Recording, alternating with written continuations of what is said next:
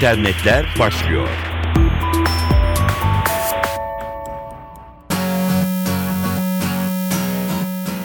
Merhaba, dijital dünyadan öne çıkan gelişmelerle karşınızdayız. Sosyal medya takip sistemlerinden Sense Monitoring'in analiz ettiği 2 milyon veriden derlenen sonuç raporuyla başlayalım. Rapor aslında sosyal medya bildiğiniz gibi değil diyor. Rapora göre işte ilk madde, ilk örnek sosyal medyada rakamlar hakkındaki konuşmalarda genellikle şikayetler üzerine odaklanıldığı düşünülür. Oysaki konuşmaların %53'ü nötr, %25'i olumsuz, %22'si ise olumlu yönde seyrediyor. İçeriklerde birinci sırayı kullanıcı yorumları yakalıyor, sonrasında sırayı bilgilendirme, haber ve şikayet içerikleri takip ediyor. Markalar hakkında en fazla içerik pazartesi günleri oluşturuluyor. Pazar günü ise ikinci sırada en az içerik oluşturulan günse nedense perşembe. Bu içerikler günün en çok 16 ile 17 saatleri arasında oluşturuluyor. Twitter, markalar hakkında en fazla içerik oluşturulan mecra ünvanını layıkıyla koruyor. Ancak bu konuşmaların sadece %30'u olumlu. Yani şikayetlerin, olumsuz tepkilerin yoğun olduğu mecraların başında Twitter geliyor.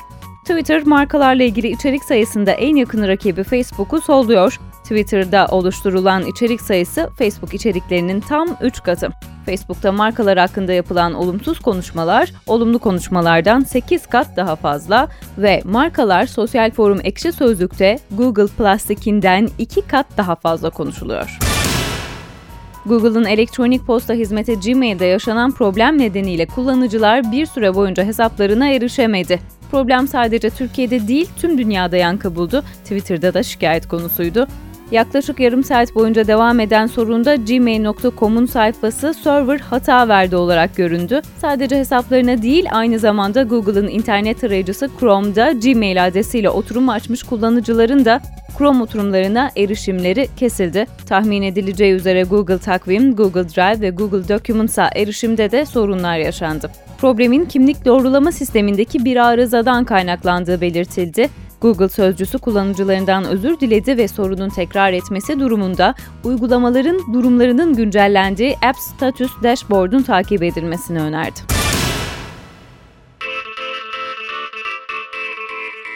Samsung elektronik kitap uygulaması Türkiye'nin en büyük elektronik kitap arşivini ücretsiz olarak kullanıcılarına sundu. Uygulama Samsung Android tabanlı mobil cihazlar Windows 8 işletim sistemi ile çalıştırılabiliyor. E-kitaptaki 375 bin yayında çok satan romanlar, klasik eserler, gazete, dergiler, çocuk kitapları ve başvuru kaynakları gibi onlarca çeşit bulunuyor. Uygulamanın 100 binin üzerinde kullanıcısı var. E-kitap uygulamasına Google Play ve Samsung Apps üzerinden erişilebiliyor. Uygulamalar, web siteleri, sosyal ağlarla ilgili yıl sonu verileri paylaşılmaya başlandı. 2012 yılında yakaladığı yükselişi devam ettiren blog adreslerinden biri de Tumblr'dı. Blog sitesi 3 çeyrekte de kullanıcı sayısını arttırmayı devam ettirdi. Yıl sonu itibariyle de Tumblr kullanıcı sayısı 170 milyon üzerine ulaştı. Blog, içerikleri beğen, paylaş, takip et özellikleriyle de aynı zamanda en popüler sosyal ağlardan biri haline geldi. Tumblr'ın Amerika Birleşik Devletleri merkezli web analiz firması Comcast'in raporuna göre sadece Kasım ayı ziyaretçi sayısı 168 milyon.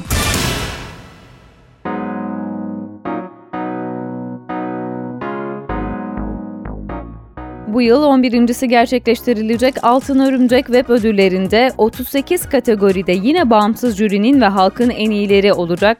Ödüllerin başvuru tarihi için geri sayım başladı. Son gün 14 Aralık Cuma. Altın Örümcek ödülüne sahip olmak isteyenler bir web adresiyle 38 kategori içerisinden en fazla 3 farklı kategoride başvuruda bulunabilecekler. Geçen yılın aynı dönemine göre başvuru sayısında artış gözlendiği de belirtiliyor. Altın Örümcek Web ödüllerinde 10 yıl içerisinde toplamda 25 bin başvuru değerlendirildi. 400 binden fazla web sitesi de birincilikle ödüllendirildi. Ayrıntılara altınörümcek.com adresinden ulaşabilirsiniz. Okuyucularımızın %95'i erkek. Dünyanın en renkli teknoloji bloklarından Gizmodo'nun Almanya temsilcisi Matthias Strankopf, başarılı bir teknoloji bloğu oluşturmak için gerekenleri NTV MSNBC ile paylaştı.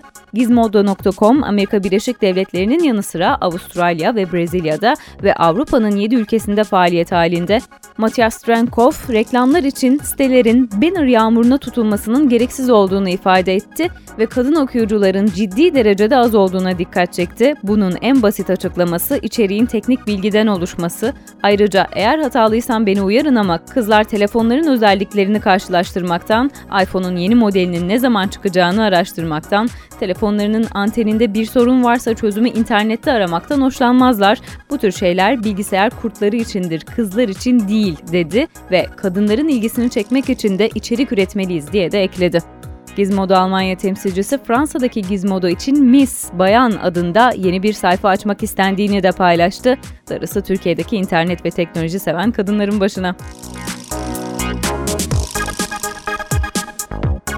Bu dilekle bültenimizi noktalıyoruz efendim. Twitter'da @ntvradio ve Dilara Eldaş üzerinden bize ulaşabilirsiniz. Hoşçakalın.